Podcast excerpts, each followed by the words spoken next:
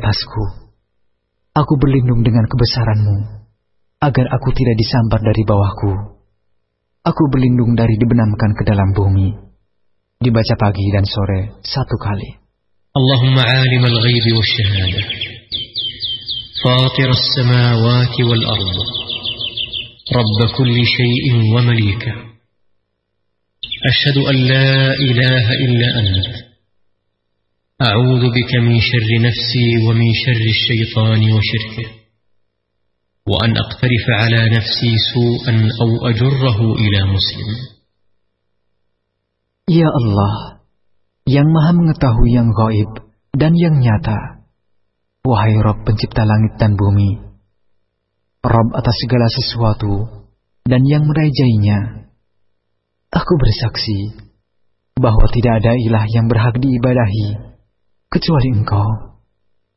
Aku berlindung kepadamu dari kejahatan diriku, syaitan, dan sekutunya. Aku berlindung kepadamu dari berbuat kejelekan atas diriku atau mendorong seorang muslim kepadanya. Dibaca pagi dan sore satu kali. Fil ardi wa la fis sama' wa huwa as-sami'ul 'alim. بسم الله الذي لا يضر مع اسمه شيء في الأرض ولا في السماء وهو السميع العليم بسم الله الذي لا يضر مع اسمه شيء في الأرض ولا في السماء وهو السميع العليم Dengan nama Allah yang tidak ada bahaya atas namanya sesuatu di bumi dan tidak pula di langit. Dialah yang maha mendengar dan maha mengetahui. Dibaca pagi dan sore tiga kali.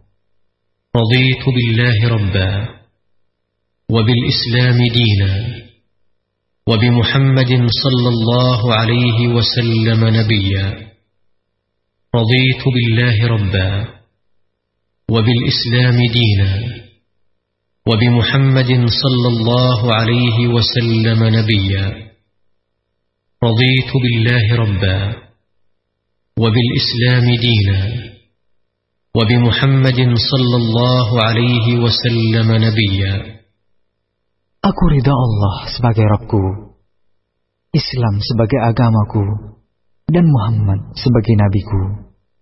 Dibaca pagi dan sore tiga kali. Ya Hayyu Ya Qayyum, برحمتك أستغيث أصلح لي شأني كله ولا تكلني إلى نفسي طرفة عين Wahai Rob yang maha hidup, wahai Rob yang maha berdiri sendiri, dengan rahmatmu aku meminta pertolongan. Perbaikilah segala urusanku, dan jangan diserahkan kepadaku, meski sekejap mata sekalipun, tanpa mendapat pertolongan darimu. Dibaca pagi dan sore satu kali. أصبحنا على فطرة الإسلام وعلى كلمة الإخلاص وعلى دين نبينا محمد صلى الله عليه وسلم وعلى ملة أبينا إبراهيم حنيفا مسلما وما كان من المشركين Kami berada di atas fitrah agama Islam, kalimat ikhlas, agama Nabi kita Muhammad Sallallahu Alaihi Wasallam dan agama ayah kami Ibrahim yang berdiri di atas jalan yang lurus, muslim dan tidak tergolong dari orang-orang yang musyrik. لا إله إلا الله وحده لا شريك له له الملك وله الحمد وهو على كل شيء قدير Tidak ada ilah yang berhak diibadahi dengan benar selain Allah yang Maha Esa. Tidak ada sekutu baginya Baginya kerajaan dan baginya segala pujian. Dan dia maha kuasa atas segala sesuatu. Dibaca sepuluh kali. لا إله إلا الله وحده لا شريك له له الملك وله الحمد وهو على كل شيء قدير مئة مرة Tidak ada ilah yang berhak diibadahi dengan benar selain Allah yang Maha Esa tidak ada sekutu baginya, baginya kerajaan, dan baginya segala pujian, dan dia maha kuasa atas segala sesuatu. Subhanallah wa bihamdih, adada khalqih, wa rida nafsih, wa zinata arshih, wa midada kalimatih. Subhanallah bihamdih, adada khalqih, wa rida nafsih, وزنة عرشه ومداد كلماته. سبحان الله وبحمده. عدد خلقه. ورضا نفسه. وزنة عرشه ومداد كلماته. مها الله aku memujinya sebanyak bilangan makhluknya. Maha suci Allah sesuai keridoannya. Maha seberat timbangan arsnya. Dan maha suci sebanyak tinta yang menulis kalimatnya. Dibaca pagi tiga kali. Allahumma inni as'aluka ilman nafi'a wa rizqan tayyiba wa amalan mutaqabbala. Ya Allah, sesungguhnya aku meminta kepadamu ilmu yang bermanfaat, rezeki yang halal, dan amalan yang diterima. Dibaca pagi satu kali. Subhanallah wa bihamdih. Maha suci Allah, aku memujinya. Dibaca pagi dan sore seratus kali.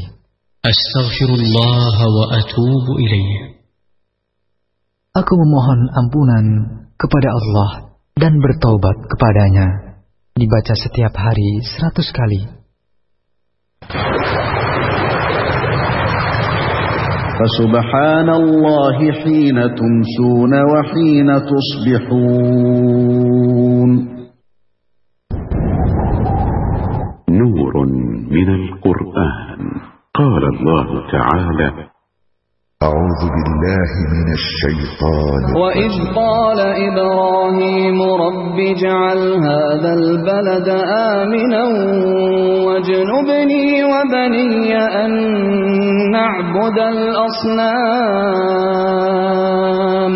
رب إنهن أضللن كثيرا من الناس. فمن تبعني فإنه مني ومن عصاني فإنك غفور رحيم. ربنا إني أسكنت من ذريتي بواد بواد غير ذي زرع عند بيتك المحرم ربنا ليقيموا الصلاة.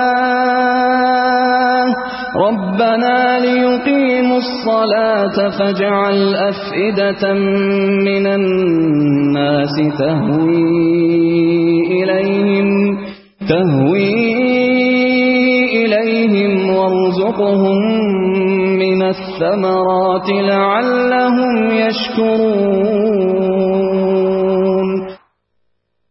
Roja Radio Dakwah Al-Sunnah wal Jamaah. Assalamualaikum warahmatullahi wabarakatuh. Ikhwata Islam Azanillah Iyakum para pendengar di mana pun Anda berada. Alhamdulillah untuk kesempatan pagi hari ini kita dipertemukan kembali dalam kajian ilmiah untuk kesempatan di Ahad pagi dari pembahasan kitab Al-Wajiz, Fikih Sunnah wal Kitabil Aziz dan seperti biasa kita akan bersama Al-Ustaz Abu Yahya Badrul Salam Hafizullah Ta'ala masih dari pembahasan kitabun nikah berikut ini selamat mendengarkan. Pada Ustaz kami persilahkan falyatafadhal mashkura. Innal hamdalillah nahmaduhu wa nasta'inuhu wa nastaghfiruh wa na'udzu billahi min shururi anfusina wa min sayyiati a'malina. Man yahdihillahu fala mudilla lahu wa man yudlil an la ilaha illallah wahdahu la syarika lahu wa asyhadu anna Muhammadan 'abduhu wa rasuluh. قال الله تعالى في كتابه الكريم يا أيها الذين آمنوا اتقوا الله حق تقاته ولا تموتن إلا وأنتم مسلمون أما بعد فإن أصدق الحديث كتاب الله وخير الهدي هدي محمد صلى الله عليه وسلم وشر الأمور محدثاتها وكل محدثة بدعة وكل بدعة ضلالة وكل ضلالة في النار أيها الإخوة أعزني الله وإياكم kita masuk uh, kepada pembahasan yaitu seputar ya at-talaq. Apa itu at-talaq dan bagaimana dan apa macam-macamnya? Akhul Islam a'azani Allah wa iyyakum. At-talaq yaitu hulul withaq wa raf'ul qaid. Ya, itu maksudnya melepaskan tali ikatan nikah dengan lafaz talak atau yang semakna dengannya. Dan talak ini ya akhul Islam a'azani Allah wa iyyakum adalah perkara yang mempunyai hukum yang berbeda. Terkadang talak itu sesuatu yang sifatnya haram. Yaitu ya. Talak di dalam masa haid atau yang disebut dengan talak bid'i. Terkadang talak itu adalah makruh. Ketika tidak ada keperluan padahal e, hubungan suami dan istri itu ya tidak ada masalah. Ya sebagaimana disebutkan dalam hadis inna iblis yada'u arsyahu 'alal ma' thumma yab'athu sarayahu fa'adnahum minhu manzilatan 'adhamuhum fitnah فيجيء أحدهم فيقول فعلت كذا وكذا فيقول ما صنعت شيئا قال ثم يجيء أحدهم فيقول ما تركته حتى فرقت بينه وبين امرأته قال فيدنيه منه ويقول نعم أنت bahwa iblis meletakkan arasnya di atas air, kemudian mengutus pasukan-pasukannya untuk mengganggu manusia.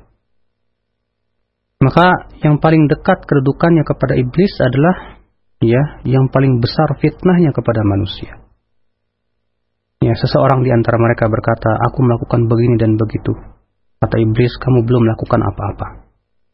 Kemudian datang lagi, "Aku ya tinggalkan suami istri dalam keadaan mereka sudah bercerai.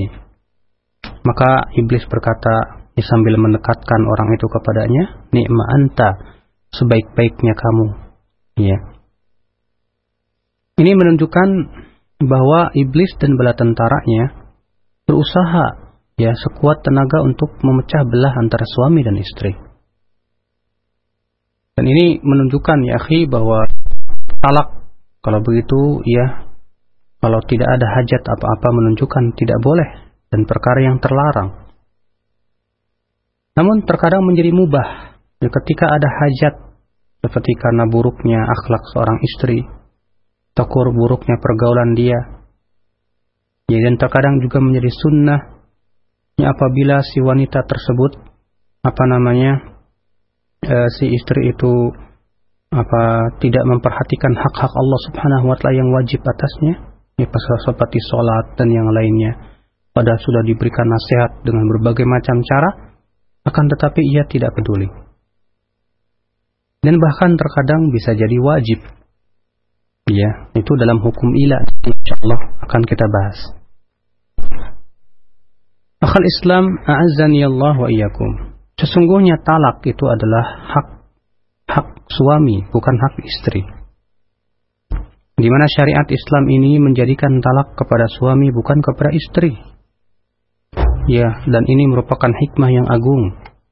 Mengapa? Karena ketika seorang lelaki ya diberikan oleh Allah kelebihan akal dibandingkan dengan wanita karena wanita itu ya dikuasai oleh perasaan maka Allah Subhanahu wa taala menjadikan hak talak itu adalah untuk laki-laki.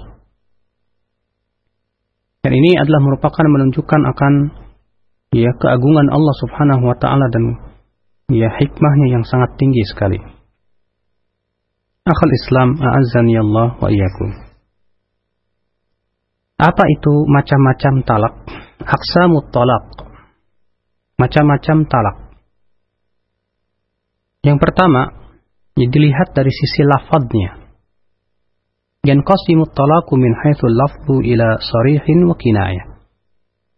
bahwa talak di sisi dilihat dari sisi eh, apa namanya lafadznya ada dua macam. Yang pertama yaitu sorih, ya, yaitu kata-kata yang jelas, tegas menunjukkan akan ya talaknya. Seperti perkataan seseorang anti talik. Aku talak aku akan aku aku talak kamu. Ini adalah lafaz yang sorih lafaz yang jelas tegas. Maka talak seperti ini jelas jatuh. Baik yang mengucapkannya bersungguh-sungguh demikian pula kalau dia bermain-main ini berdasarkan hadis Nabi Shallallahu Alaihi Wasallam dari hadis Abu Hurairah bahwa Nabi Shallallahu Alaihi Wasallam bersabda Thalathun jidduhunna jiddun wa hazluhunna jiddun an-nikah wa talaq wa raja'ah.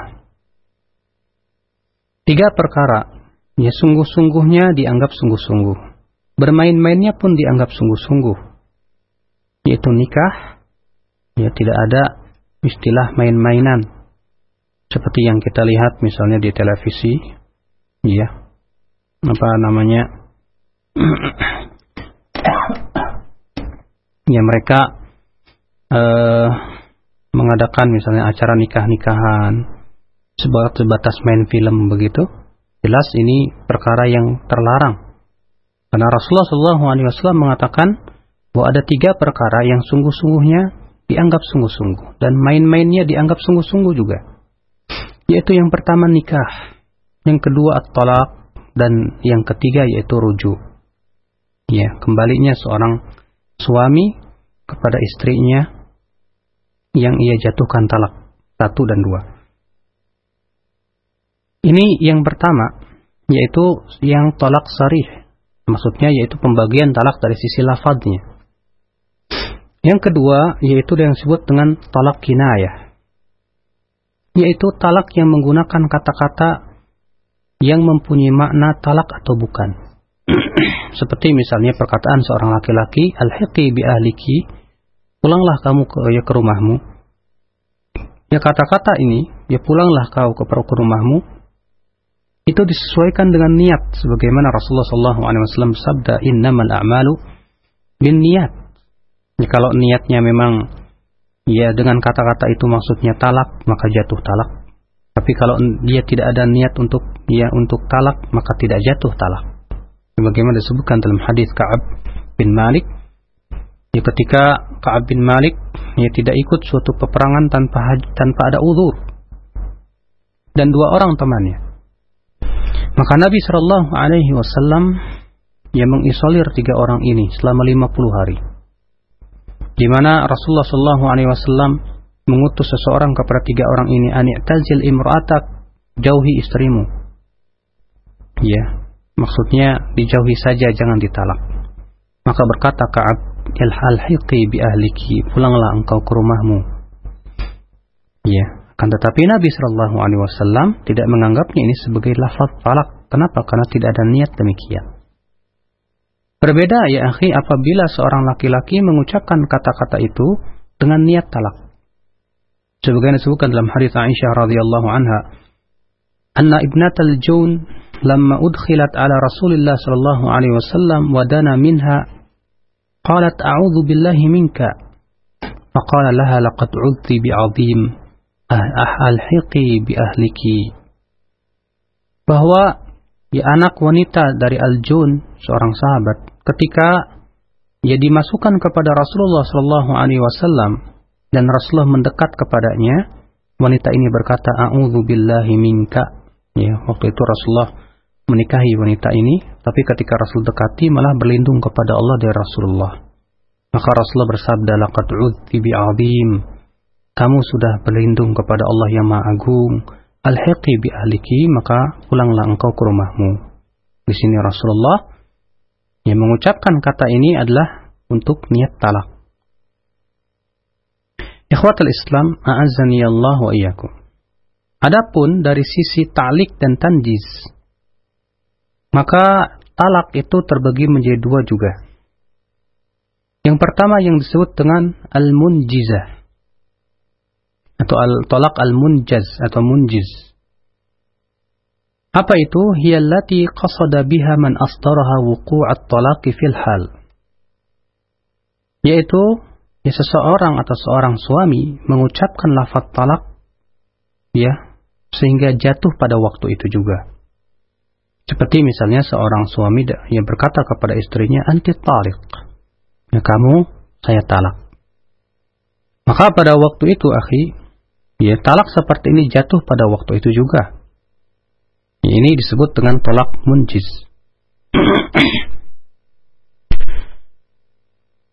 Adapun yang kedua disebut dengan talak muallak. Apa itu? Yaitu talak yang digantungkan pada sebuah syarat. Seperti misalnya perkataan seorang seorang suami kepada istrinya, "In zahabti ila makan kada fa anti tariq." Kalau kamu pergi ke rumah sana, ya kamu jatuh talak. Maka hukumnya bagaimana? Ya, tergantung niatnya juga. Kalau niatnya adalah memang ingin mentalaknya, kalau dia pergi ke sana maka kemudian si istri pergi ke rumah itu jatuh talak satu. Tapi kalau maksud si suami itu artinya ya untuk ke apa namanya al-hab al-fi'l awit tark ya anjuran untuk tidak pergi ke sana saja. Ya. Dan tidak ada niat untuk sama sekali untuk apa namanya mentalak sebatas menakut-nakuti saja. Maka yang dirojihkan oleh Syekhul Islam Ibn Taimiyah rahimahullah itu jatuhnya sebagai sumpah.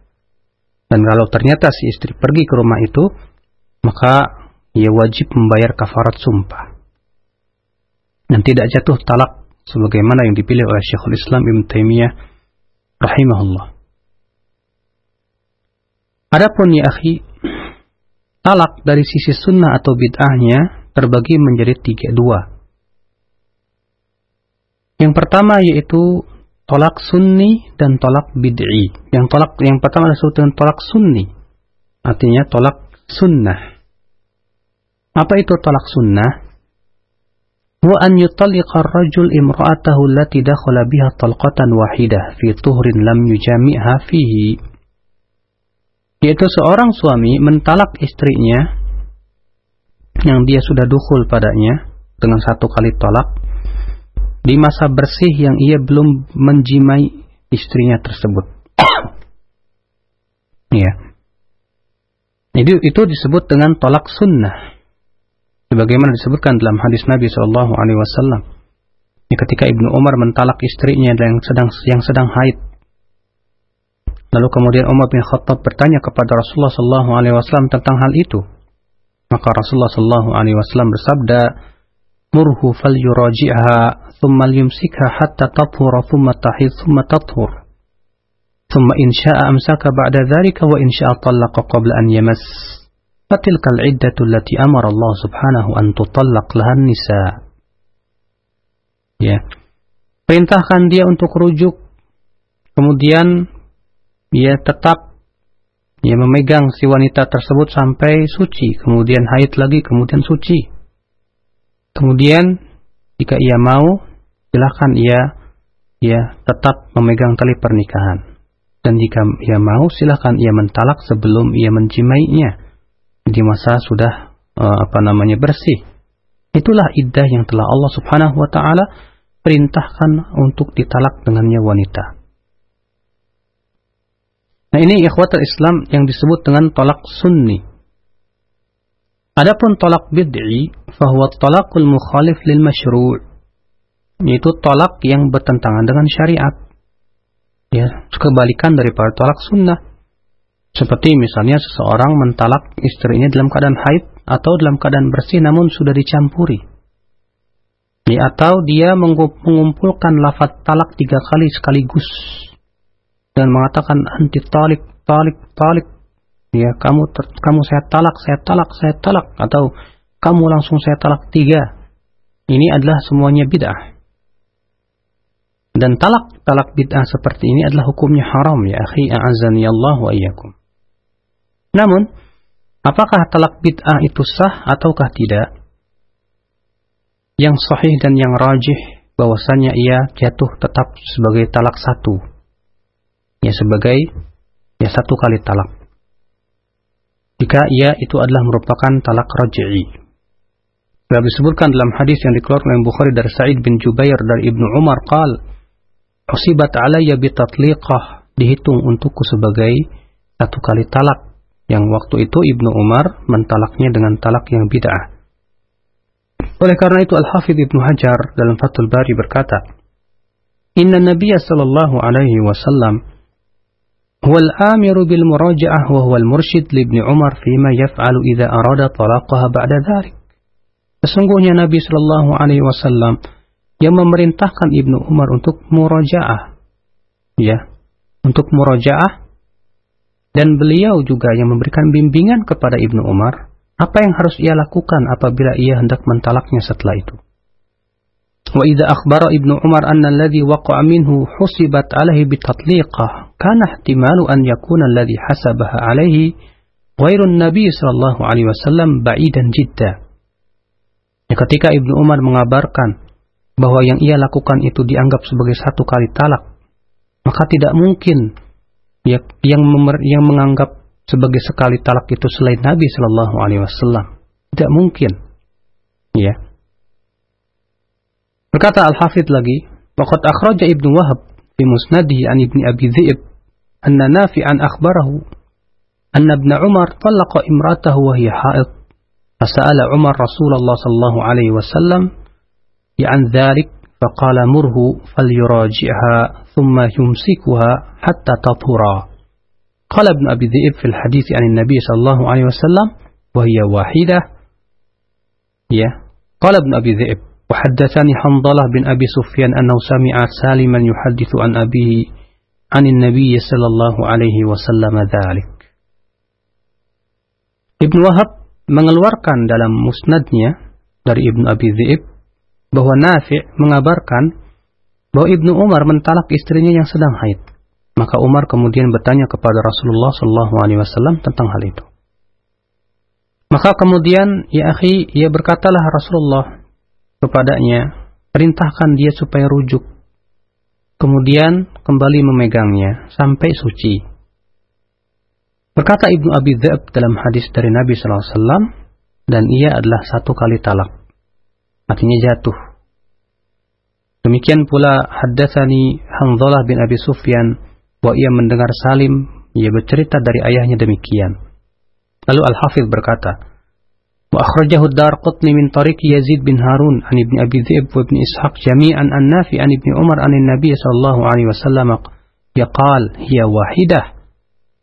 Dan Darqutni juga meriwayatkan dari jalan Yazid bin Harun dari Ibn Abi Dzib dan Ibnu Ishaq semuanya dari Nafi bin Ibnu dari Ibnu Umar. Bahwa Nabi Shallallahu alaihi wasallam bersabda ia dianggap satu kali talak wa hadha nassun fi mawdhi'il khilaf yajibul masiru ilaih. Maka ini adalah merupakan nas ya yang harus dipegang sehingga tidak tidak boleh lagi ketika sudah ada nas untuk berkata tapi ulama fulan begini tapi ulama fulan begini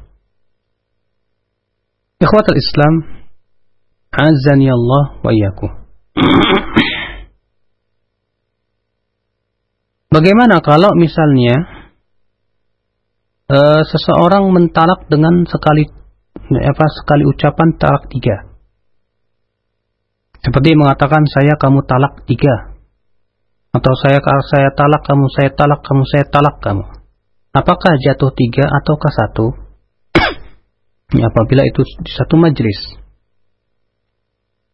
Yang sahih bahwa ia jatuh satu saja.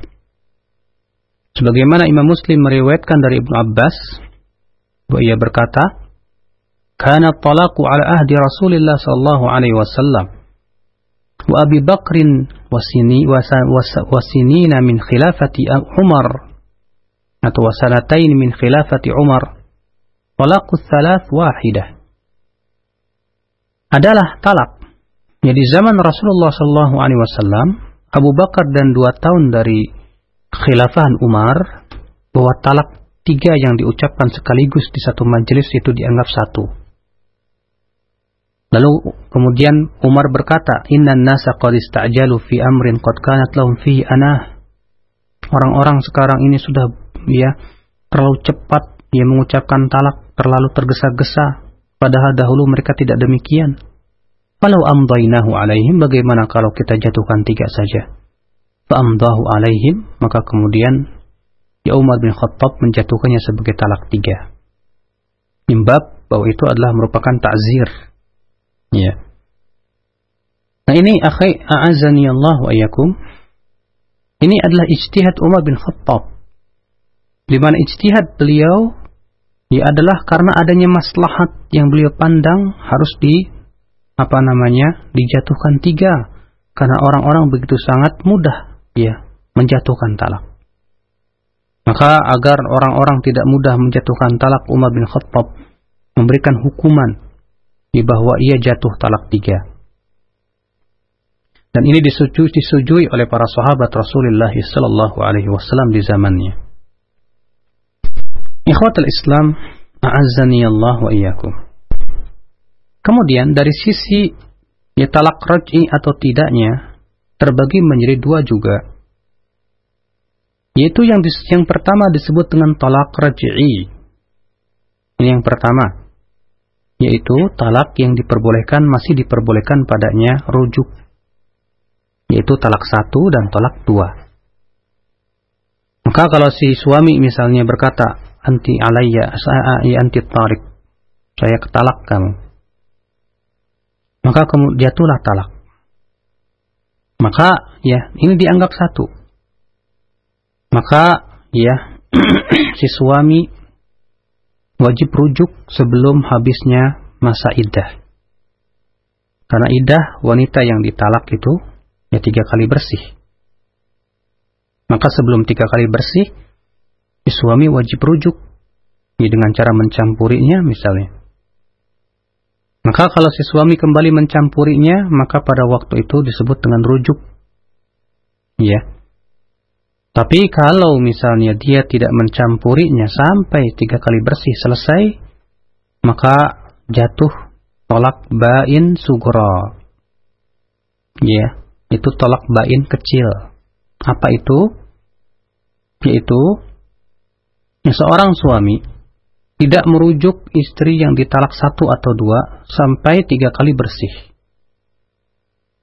Ya, sudah tiga kali bersih tidak di, tidak dirujuk juga, maka menjadi tolak bain bainunah sugro.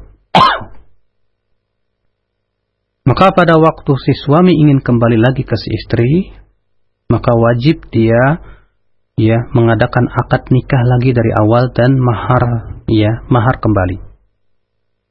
Ini yang disebut dengan tolak bain sugro. Ya. Nah ini talak raj'i. Di mana talak raj'i itu adalah talak satu dan dua yang masih diperbolehkan padanya untuk rujuk. Akan tetapi syarat rujuknya adalah masih di masa iddah dia, yaitu tiga kali bersih. Nah kalau dia talak lagi yang kedua, maka waktu itu jatuh dua maka dia wajib rujuk lagi. Maka dia hendaknya rujuk lagi. Hendaknya dia rujuk lagi misalnya, ya kemudian setelah itu dia talak lagi yang ketiga, maka pada waktu itu disebut dengan tolak bain kubro. Apa itu tolak bain kubro ya akhi? Yaitu ya dia seorang suami tidak halal lagi untuk kembali kepada istrinya sampai si istri menikah dengan laki-laki lain. Ya, ini semua ditunjukkan oleh firman Allah Subhanahu wa taala, "At-talaqu marratan." Talak yang boleh padanya rujuk itu dua kali saja. Fa imsakum bima'rufin aw tasrihum bi ihsan. Maka ya selama talak dua kali ini boleh ia mengimsak memegangnya lagi dengan cara yang ma'ruf atau mentolaknya pula dengan cara yang baik. Ya. Dan ingat di akhir bahwa wanita yang ditalak rujuk satu dan dua itu masih sebagai istri dan tidak boleh keluar dari rumah suami. Tidak seperti yang kita lihat, ya, seorang istri yang ditalak satu kemudian langsung pulang ke, ke rumah ya ke rumahnya dan dipulangkan. Jelas ini sebuah kesalahan. Ya, karena ya istri yang ditalak satu atau dua yang itu disebut dengan talak ruj'i itu masih dia sebagai statusnya sebagai seorang istri dan dia masih berhak mendapatkan rumah, demikian pula ya nafkah. Ikhwatul Islam, ma'azani Allah wa iyyakum.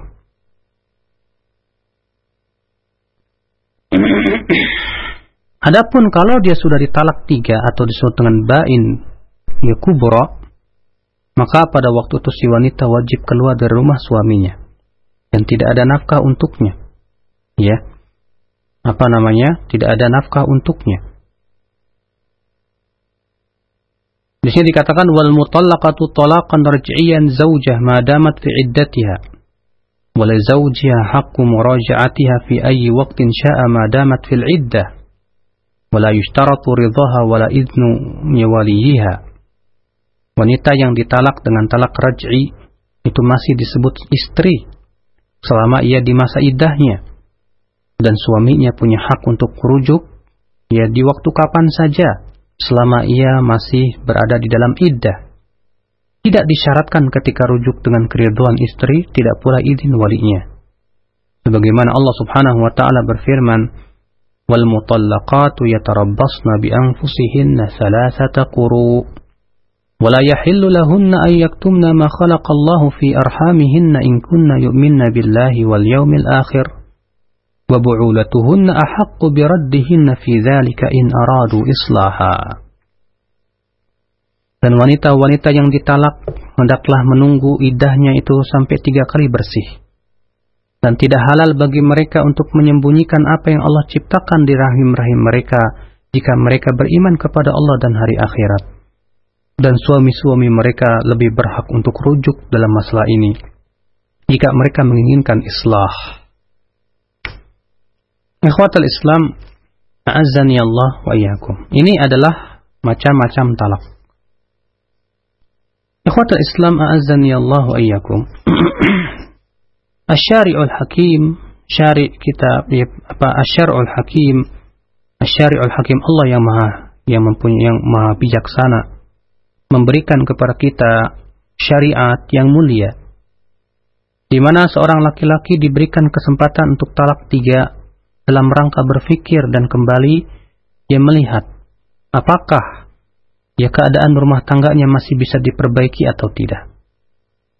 Ya, kalau memang ia melihat, memandang ya dengan apa namanya dengan hati yang dingin, ya bukan dengan sebatas uh, apa namanya hawa nafsu dan yang lainnya, bahwa memang tampaknya sudah tidak bisa diperbaiki lagi ya, dan tampaknya tidak mungkin lagi untuk tinggal bersamanya, maka hendaknya pada waktu itu diper, diperbolehkan padanya waktu itu untuk menjatuhkan talak dan berpisah. Kalau ternyata di sana memang ya apa nama dia memandang sesuatu bahwa itu tidak mungkin lagi bisa ya diperbaiki dalam masalah ini. Akal Islam, a'azzani Allah wa iyyakum. Tentunya, ya seorang suami pun tidak boleh mudah untuk menjatuhkan kata talak. Maka hendaklah seorang suami bertakwa kepada Allah Subhanahu wa taala. Ya, agar ia senantiasa ia berusaha terus ya bagaimana memperbaiki sang istri dan berusaha terus ya bagaimana memperbaiki hubungan suami dan istri. Ya, tentunya ya akhi, tujuan berumah tangga tiada lain adalah dalam rangka menegakkan hukum-hukum Allah dan menegakkan syariat Allah di dalam rumah tangga kita. Ini saja yang bisa saya sampaikan pada kesempatan pagi hari ini dan insya Allah kita akan bahas permasalahan-permasalahan lain yang berhubungan dengan talak seperti hulu, ya demikian pula ila, demikian pula zihar. Wallahu a'lam. Demikian ikhwatal Islam, a'azani Allah iyyakum kajian kita untuk kesempatan pagi hari ini dari kitab Ar-Rajiz Fikih Sunnah wal Kitabil Aziz. Berikutnya seperti biasa ikhwatal Islam kami berikan kesempatan untuk Anda yang akan bersoal jawab. Kami berikan kesempatan untuk Anda di 0218236543. Assalamualaikum. Waalaikumsalam warahmatullahi Nah, silakan. Dari mana dengan siapa, Bapak? Dari Rusyad di Pondok Gede. Silakan Pak Arsyad. Ya, Assalamualaikum Ustaz. Assalamualaikum warahmatullahi Barakallahu fiik. Fika barakallah. Ustaz, uh, Afwan ini keluar dari tema mau tanya soal uh, kalimat salafus soleh. Uh, apa kriteria seorang ulama itu dikatakan sebagai salafus soleh oleh ulama setelahnya. Uh, terus kalau boleh, mohon dijelaskan tentang siapa itu Wes Al-Qarni. Itu saja. Jazakumullah khairan. Assalamualaikum warahmatullahi wabarakatuh. Waalaikumsalam warahmatullahi wabarakatuh. Silahkan Ustaz, uh, mungkin diberikan penjelasan sedikit. Baik, salaf. Ada mak dua makna. Makna secara bahasa dan makna secara istilah. Adapun makna secara bahasa, salaf artinya yang telah mendahului kita. Maka setiap yang mendahului kita, kita katakan salaf. Ya. Seperti sebagaimana sabda Rasulullah SAW bersabda kepada Fatimah, khairus salafi analaki sebaik-baiknya pendahulu untukmu adalah aku. Ya. Adapun salaf kalau di, di, di, di, dimaknai secara istilah yang disebutkan oleh para ulama, maksudnya adalah tiga generasi yang dipuji oleh Rasulullah Shallallahu Alaihi Wasallam dalam sabdanya, khairun khairun nasi qarni, thumma alladhina yalunahum, thumma alladhina yalunahum.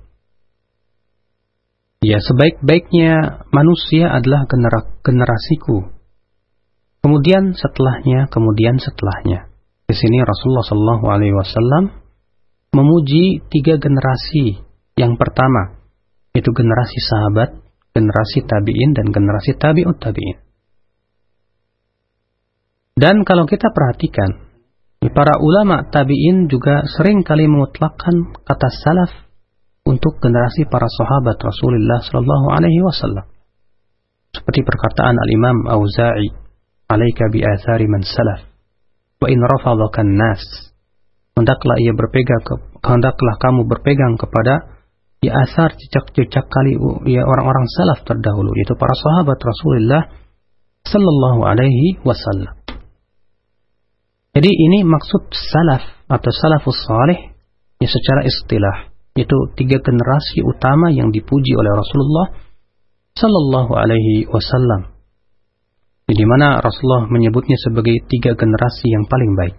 Dan Rasulullah Sallallahu Alaihi Wasallam memerintahkan kita ya untuk merujuk kepada pemahaman mereka. Ini dalam hadis-hadis di antaranya hadis Nabi Sallallahu Alaihi Wasallam yang dikeluarkan Imam At-Tahawi dalam kitab Mushkil al-Athar dengan sanad yang sahih. Ya, Rasulullah SAW bersabda, Inna satakunu fitnah. Kelak nanti kata Rasulullah akan muncul fitnah. Lalu lalu dikatakan kepada Rasulullah, Mada nasna'u ya Rasulullah. Lalu apa yang harus kami lakukan wahai Rasulullah di zaman yang penuh fitnah itu? Kata Rasulullah, Arji'una ila amrikumul awal. Hendaklah engkau kembali kepada urusan kalian yang pertama.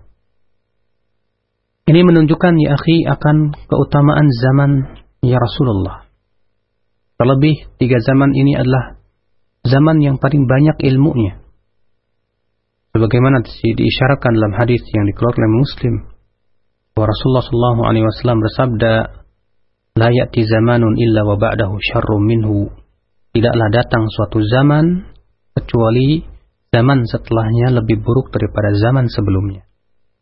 Rasulullah mengatakan tidaklah datang suatu zaman kecuali, zaman setelahnya lebih buruk daripada zaman setelahnya.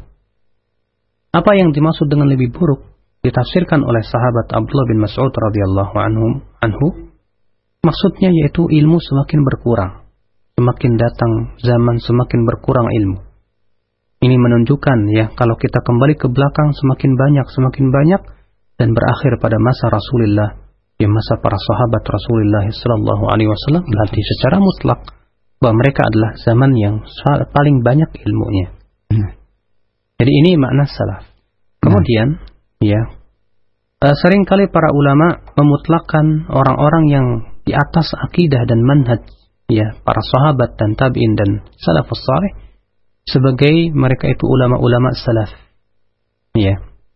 Atau dinisbatkan dengan kata-kata salafi Bagaimana pernah Al-Imam Al-Dhahabi rahimahullah ketika ia memberikan uh, apa menyebutkan tentang Al-Imam Ad-Darqutni rahimahullah di mana disebutkan lam yakhud ar-rajul fi ilmi al-kalam Ad-Darqutni tidak pernah ya masuk dalam ilmu kalam Kemudian kata Ibn Al-Hafidh uh, Al-Zahabi, bal kana salafiyan. Ya, akan tetapi ia seorang salafi. Maka itu ya akhi, kata-kata salafi itu adalah dimutlakkan untuk mereka yang berusaha mengikuti dan menisbatkan dirinya kepada generasi yang itu generasi para sahabat, para tabi'in dan tabi'un tabi'in. Dan penisbatan seperti ini tidak tercela. Ya sebagaimana dikatakan oleh Syekhul Islam Ibn Taimiyah rahimahullah, la aiba liman tasaba ila madhhabis salaf. Tidak ada aib sama sekali untuk uh, oh, oh, seseorang menisbatkan dirinya kepada madhab salaf. Ya apa aibnya?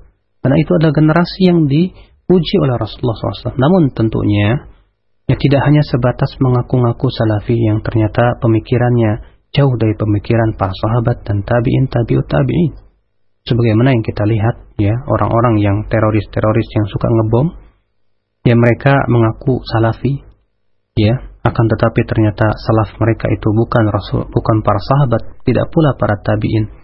Namun salaf mereka itu dua sirah ya para pentolan khawarij yang mereka mudah mengkafirkan kaum muslimin. Naudzubillah. Nah.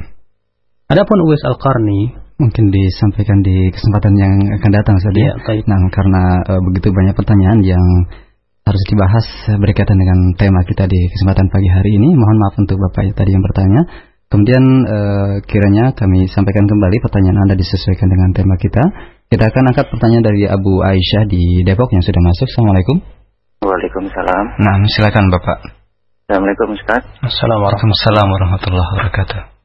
Ya, misalkan kita mengucapkan pada istri kata-kata, ehm, kamu maunya apa? Kalau kamu mau maunya cerai bilang apakah itu termasuk jatuh talak atau tidak? Itu hmm, iya. Nah, terima kasih Abu Aisyah. Silakan Ustaz. jelas kata-kata seperti ini tidak dianggap cerai. Hmm. sebab ya suami hanya sebatas mengatakan kamu maunya apa. Kalau kamu mau cerai ya bilang aja. Ternyata si istri juga tidak bisa bilang apa-apa. Maka ini tidak dianggap cerai sama sekali. Hmm. nah Kemudian dari telepon yang berikutnya kami akan angkat di 0218236543. Assalamualaikum. Waalaikumsalam Silakan. Dengan siapa dari mana? Mohon maaf dikecilkan radio monitornya. Dengan Haji dari kota. Nah, silakan uh, Pak Haji. Oh iya.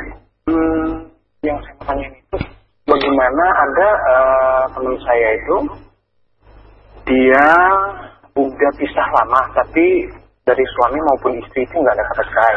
Ah. Tapi udah sekian tahun, udah udah bertahun-tahun lah gitu, mereka ketemu, dia udah rujuk lagi tanpa nikahan itu bagaimana hukumnya? Udah sekian, bukan teman sih ya, eh, teman bapak saya. Iya. Yeah. Hmm. Itu itu udah sekian puluh tahun, tapi mereka rujuk lagi tanpa nikah itu seperti apa hukumnya? Setelah uh, sekian tahun uh, berpisah kemudian rujuk kembali begitu pak ya?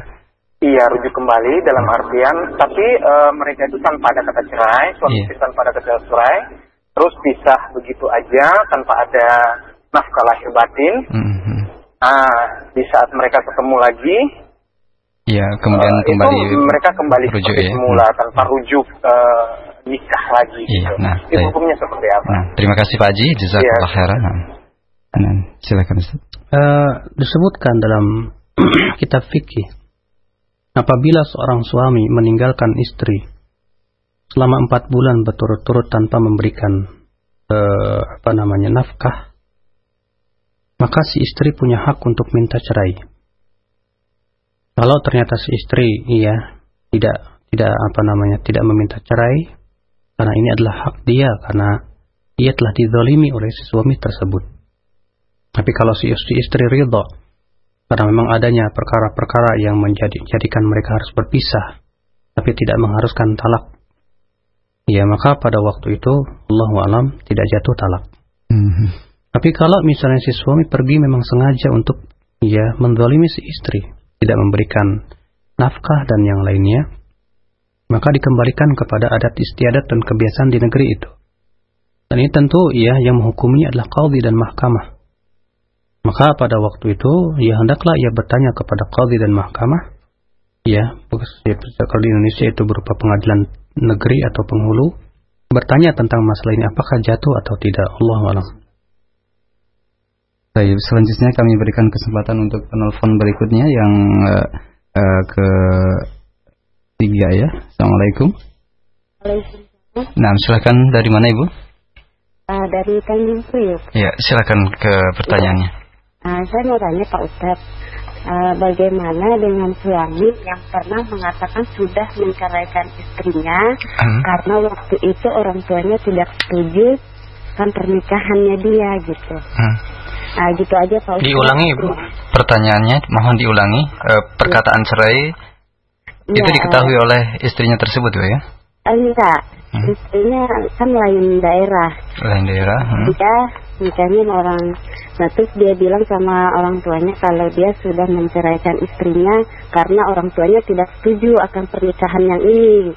Eh, tapi si suami niatnya tidak ada tidak ada niat Tidak, talak. Oh, tidak iya. hanya ingin biar orang tuanya merasa Senang lega saja. Gitu. Iya. Iya, Nah, gitu. Nah Terima gitu kasih. aja. Hmm, hmm. Nah, terima kasih Pak Ustadz. Assalamualaikum warahmatullahi wabarakatuh. Waalaikumsalam warahmatullahi wabarakatuh. warahmatullahi wabarakatuh. Eh, ini ya butuh kepada pertama eh, niatnya. Karena Rasulullah SAW bersabda, "Innamal a'malu bin niat. Wa innama likulli imri'in ma nawa." Setiap orang itu, sesungguhnya setiap amal itu dengan niatnya masing-masing. Dan setiap orang mendapatkan apa yang ia niatkan. Apabila ia mengucapkan kata-kata, ya, saya sudah talak kok. Padahal hatinya tidak ada keinginan talak uh, karena me- melihat keadaan uh, si orang tuanya yang sangat tidak setuju dengan istrinya tersebut. Iya. Padahal hatinya tidak ada keinginan talak sama sekali. Ini terjadi ikhtilaf para ulama mengenai orang yang menjatuhkan talak atau mengucapkan kata-kata talak namun tidak diniatkan padanya talak. Apakah jatuh atau tidak? Madhab ya Imam Ahmad bin Hambal seingat saya dan sebagian ulama lain berpendapat tidak jatuh. Dan ini madhab Imam Malik juga. Ya. Karena berdasarkan firman Allah wa in azamut talak dan mereka apabila mereka berazam untuk mentalak ini menunjukkan bahwasanya yang namanya talak itu disyaratkan harus azam. Ya, dengan disertai dengan niat. Sebagian ulama lagi berpendapat jatuh talaknya walaupun ia bermain-main dan tidak ada nilai niat untuk talak. Ya karena Rasulullah SAW sabda salatun jidduhunna jiddun wa hazluhunna jiddun. Ada tiga perkara yang sungguh-sungguhnya dianggap sungguh-sungguh dan main-mainnya dianggap main-main. Ya, yaitu di antaranya at-talaq. Nah, ia mengucapkan kepada suaminya, saya sudah talak dia kok bu. Tapi hatinya mengatakan tidak. Ya, saya tidak talak karena terpaksa ya saya ucapkan ini. Maka apakah ia di- dimasukkan dalam orang-orang yang mukroh? Dari orang-orang yang terpaksa untuk mengucapkannya? Dan para ulama mengatakan bahwa orang yang dipaksa itu ada dua. Ada ikroh mulji yang menghilangkan ya hak pilih di mana dia harus mau tidak mau untuk mentalak karena dipaksa orang. Maka jelas seperti ini tidak jatuh talaknya. Ya, karena sebagaimana sabda Rasulullah SAW, la wala fi ighlaq. Ya, tidak sah talak ya ketika dipaksa. Ada juga ya talak yang apa namanya yang paksaan yang tidak mulji yaitu ya, seseorang diberikan padanya pilihan maka pada waktu itu jelas jatuh talaknya. Ya, Allah alam ya kita melihat dari sisi-sisi ini tentang si laki-laki tersebut apakah jatuh talak atau tidak. Ya, ya yang Allah alam yang yang lebih berhati-hati dalam masalah ini bahwa si laki-laki tersebut ya jatuh talaknya satu, tapi dia ya hendaknya berusaha untuk rujuk lagi. Ya, Allah alam. Baik, selanjutnya kami angkat pertanyaan dari pesan singkat dari Umu Beta untuk yang pertama di Cakung. Ustadz saya sudah satu tahun tidak dinafkahi, lahir, kemudian tiga, tiga bulan tidak dicampur. Suami sudah dua kali mengucapkan kalau saya punya uang, saya akan cerai kamu. Sementara ini kami masih tinggal bersama. Bagaimana keadaan pernikahan saya ini? Bagaimana sikap saya terhadap suami? Jazakallah khairan. Ya, Kata-kata suami tadi belum jatuh talak kalau dia belum punya uang. Kalau dia memang niatnya itu adalah memang ingin mentalak setelah dia punya uang. Ya, karena ini disebut dengan tolak mu'a, ya, tolak mu'allak yang digantungkan kepada syarat. Maka apabila si suami berkata kalau saya punya uang saya akan talak kamu, artinya kalau dia niatnya adalah untuk memang ingin mentalak, maka pada waktu dia punya uang, ya jatuh talak satu. Setelah itu, ya suami punya hak untuk rujuk. Ya, untuk rujuk kepada istrinya tersebut. Tapi kalau memang ternyata dia memang qadar Allah nggak punya uang-uang juga, maka talak itu belum jatuh. Ya belum jatuh selama yang dikotak dikatakannya itu ya tidak apa namanya belum terjadi. Allah Nah, eh, dari pesan singkat kembali dari Bapak Nah, dari Bapak Nurdin di uh, Serang, Ustadz, apa bedanya tolak tiga kali dengan kata saya talak tiga kamu? Mohon uh, penjelasannya Ustadz. Yang sangat jauh berbeda. Talak tiga kali itu seseorang berkata saya talak kamu di waktu si wanita suci dan belum dijimai. Maka jatuhlah talak satu. Kemudian ia rujuk ya dengan cara menjimainya. Maka kembali lagi, ya kembali lagi. Kemudian setelah berselang misalnya beberapa bulan jatuh lagi kata-kata talak. Dia katakan saya talak kamu. Jatuh talak kedua. Maka kemudian setelah itu dia rujuk lagi. Ya setelah rujuk, setelah beberapa bulan kemudian dia berkata lagi saya talak kamu. Maka ini jatuh talak ketiga, maka ini disebut dengan talak bainunah kubro. Adapun e, talak tiga sekaligus dengan ucapan seseorang pada waktu itu juga dia berkata, saya talak kamu tiga kali. Saya kamu, saya saya kamu, saya saya talak kamu tiga. Saya ya talak kamu dengan talak tiga. Maka yang sahih dan rajih sudah saya sebutkan tadi bahwa yang seperti ini dihukumi satu talak saja. Allah. Nah, selanjutnya dari e, pesan singkat dari uh, Ibu Nurul, Ustaz, bagaimanakah bila ikatan pernikahan telah dipersidangkan uh, beberapa kali, tapi tidak uh, dilanjutkan? Apakah telah jatuh talak di dalam hal ini? Ustaz? Kalau misalnya persidangan itu adalah atau suami tersebut uh, mentalaknya baru satu kali talak, kemudian dipersidangkan, ya karena seorang istri tidak boleh nikah lagi dengan yang lain kecuali dengan adanya apa surat talak itu. Ternyata apa yang terjadi? ya tidak dilanjutkan. Maka sebetulnya persidangan itu sebatas formalitas saja. Adapun yang menjadi yang dianggap oleh syariat adalah yang diucapkan oleh suami. Kalau si suami itu mengucapkan talak, maka tetap jatuh talak walaupun ya persidangan tidak dilanjutkan maka e, tentu dia berusaha si suami itu untuk rujuk sebelum tiga kali tiga kali bersih. Ya. Jadi si suami itu ya rujuklah ke istrinya. Ya sehingga dengan rujuk itu ya sudah selesai. Dia menjadi istri suami istri kembali. Namun masih tersisa padanya dua kali talak. Allah. Nah, selanjutnya dari pesan singkat kembali, Ustadz saya menikah dengan uh, seorang mu'allaf yang setelah 20 tahun dan mempunyai dua anak, uh, dia kembali ke agamanya yang dahulu. Uh, bagaimanakah uh, yang harus saya perbuat dan mohon nasihatnya dari hal ini? Uh, tidak disebutkan di sini yang masuk hmm. Islam ini siapa? Suaminya? Uh, suaminya. Baik, hmm. kalau suaminya yang masuk Islam, kemudian kembali lagi ke agamanya, maka otomatis sudah langsung putus hubungan suami istri. Ya, karena tidak boleh seorang suami ya kafir menikahi wanita muslimah. Maka kalau suaminya itu kembali lagi ke agamanya, maka otomatis langsung putus hubungan antara keduanya. Dan si istri langsung pergi, ya pulang ke rumahnya, ya ke rumah apa orang tuanya. Ya karena tidak halal lagi untuk dirinya, sebab kalau ia teruskan juga, maka itu zina di sisi Allah Subhanahu wa taala. Maka suami isi istri hendaklah bertakwa kepada Allah. Jangan kemudian hanya karena apa kasihan sama anak, ya sehingga akhirnya dia mau berani menukar agamanya. Ya akhirnya dia rela untuk dimasukkan ke dalam api neraka selama-lamanya abadal abidin iya dan billah. Nah. Baik. Selanjutnya dari penelpon kembali ada Ibu Dafa di Bekasi. Assalamualaikum Ibu. Waalaikumsalam. Nah, Assalamualaikum. silakan. Waalaikumsalam warahmatullahi Uh, Ana mau tanya Ustadz, Ana ke, uh, punya saudara, uh, saudara jauh. Ana uh, beliau uh, beliau itu menikah. Lalu setelah menikah dikarunia anak, tapi beliau pergi bersama suaminya untuk sama-sama kerja, anaknya ditinggal. Pada saat di tempat, uh, jadi perginya ke luar negeri Ustadz. Nah pada saat di sana, uh, istrinya itu ditinggalin gitu aja, tanpa surat cerai, sampai bertahun-tahun sampai anaknya sekarang sudah SMA. Sementara si laki-lakinya dia sudah menikah berkali-kali dengan mengganti nama.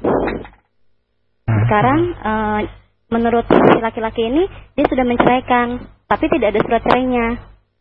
Iya. Lalu sekarang eh, si wanita ini kan ingin menikah. Pada saat mengurus ke apa ke kantor eh, urusan agama, ke kelurahan segala macam harus ada surat cerai.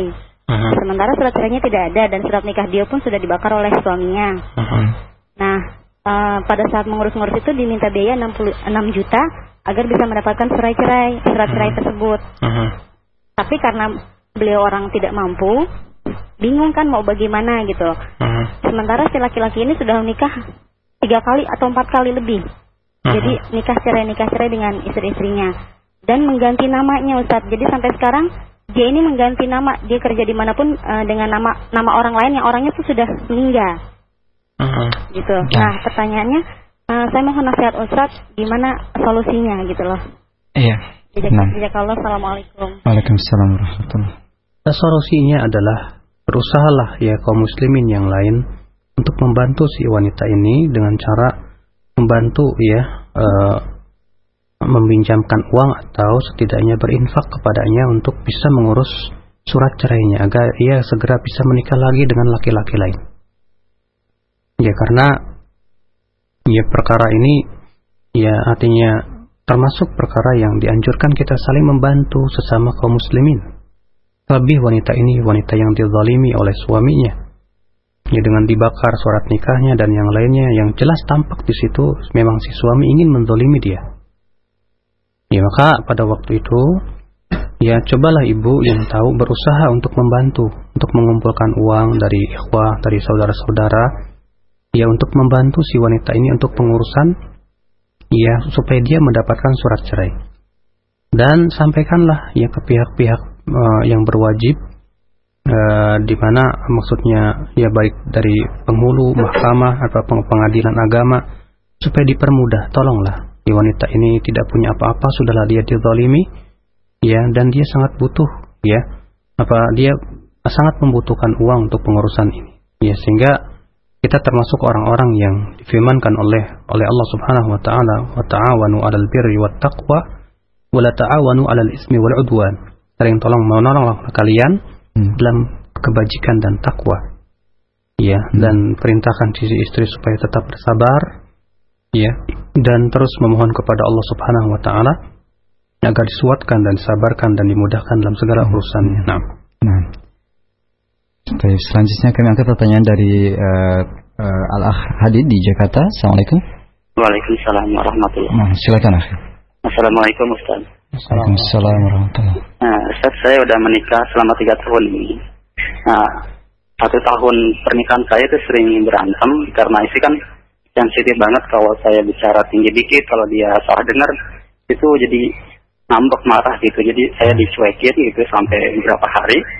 Nah, dua dua hari atau tiga hari pernikahan pertama itu kami saling terlibat dalam pertengkaran yang sangat hebat itu dan saya tidak menyangka kalau istri itu tangannya tuh mudah sekali jadi tahu-tahu kalau dalam pertengkaran itu tahu-tahu mendarat aja Melayang gitu di- ya? iya melayang di muka saya.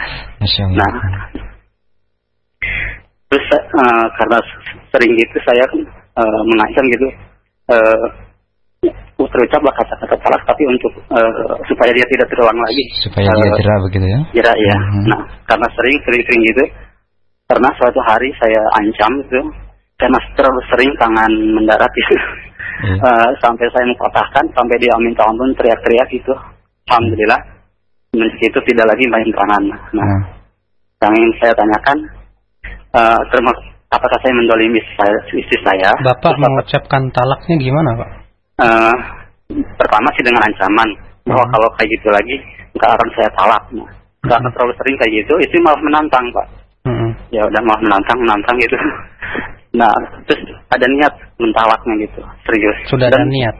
ya udah sudah ada Dan niat sudah karena- diucapkan. udah diucapkan nah se Berapa, berapa kali, Pak? udah nggak saya hitung pak kalau yang itu karena dulu saya pernah mendengar kalau Enggak, di yang yang sudah diniatkan talak itu sudah berapa kali? Mungkin lebih dari dua tiga kali pak karena terlalu sering gitu. Nah sedangkan dulu saya pernah mendengar dari ustad ustazah gitu di TV kalau kalau supaya kita main-main dalam ucapan talak maka jatuhlah talak kan harus ada mengadakan akad lagi gitu. Ada wali juga. Nah se pengetahuan saya itu kalau mengucapkan talak itu kalau suaminya apa memaafkan maka boleh rujuk lagi gitu. Ya.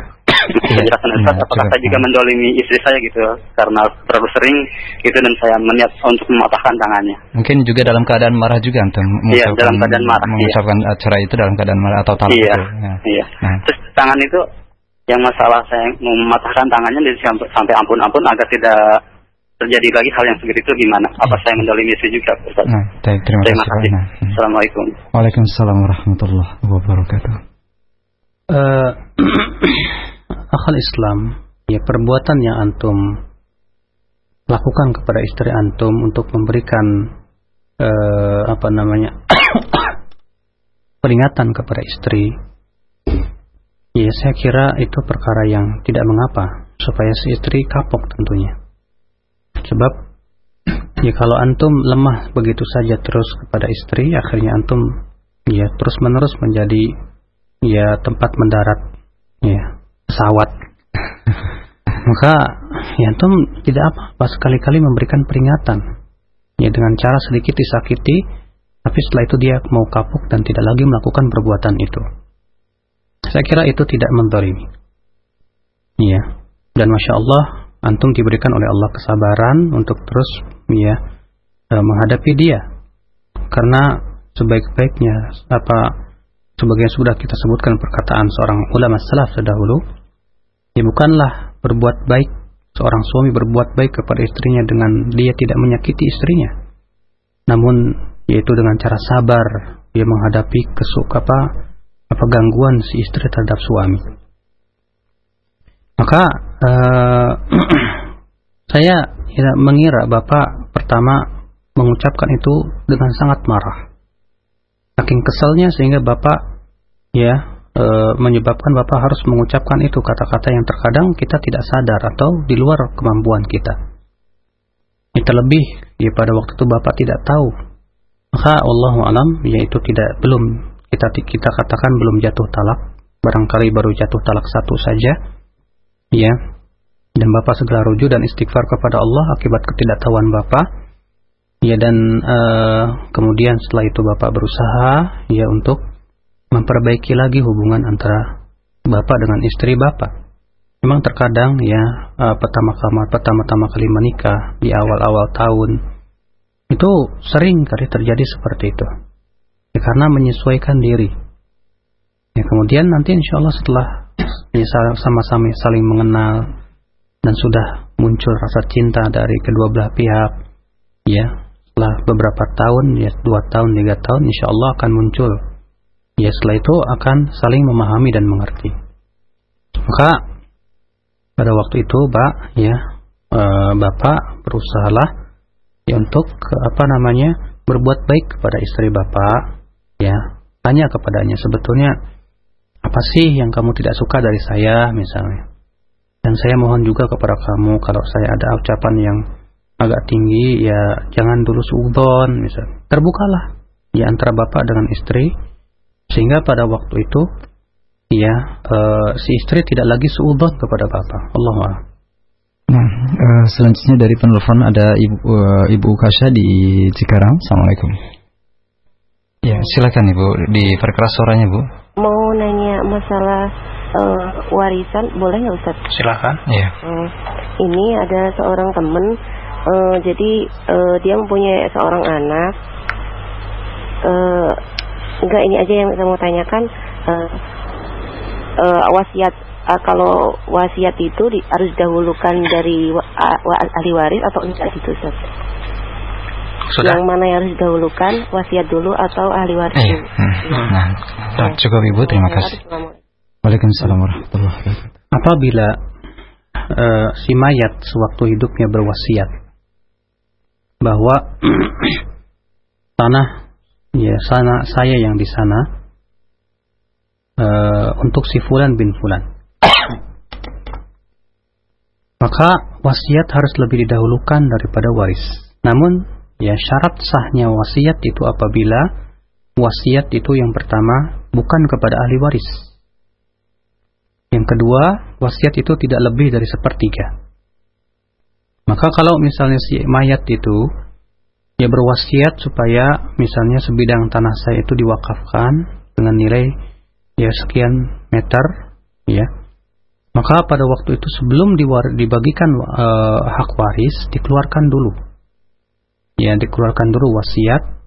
Kemudian setelah itu uh, baru dikeluarkan apa dibagi-bagikan warisannya. Ya ini berdasarkan firman Allah Subhanahu wa taala dalam surat Al-Baqarah, "Mim ba'di wasiyati yusi biha aw dain." Dalam surat An-Nisa ya setelah dan pembagian waris itu setelah ya dikeluarkan wasiat atau hutang-hutang si mayat. Ini menunjukkan bahwa hutang si mayat dan wasiat mayat lebih didahulukan daripada membagikan atau membagikan kepada ahli waris. Allah. Nah, dari pesan singkat kembali dari eh, pendengar kita, saudari Dinda di Bekasi, Ustaz, apakah eh, termasuk perbuatan zalim apabila istri meminta cerai kepada suaminya dalam keadaan suami tersebut eh, di dalam tahanan penjara akibat uh, terlibat uh, narkoba atau yang sejenisnya. Mohon nasihatnya. Kalau memang istri melihat suaminya dibejat akhlaknya, tidak baik seperti itu, ya dikhawatirkan juga untuk pendidikan anak-anaknya kelak, maka pada waktu itu tidak apa-apa si istri minta cerai. Dan pembahasan khulu, itu permintaan cerai dari suami dari istri kelak insya Allah kita akan bahas pada pertemuan yang akan datang. Nah. Taib, uh, selanjutnya kami angkat pertanyaan uh, yang datang dari pesan singkat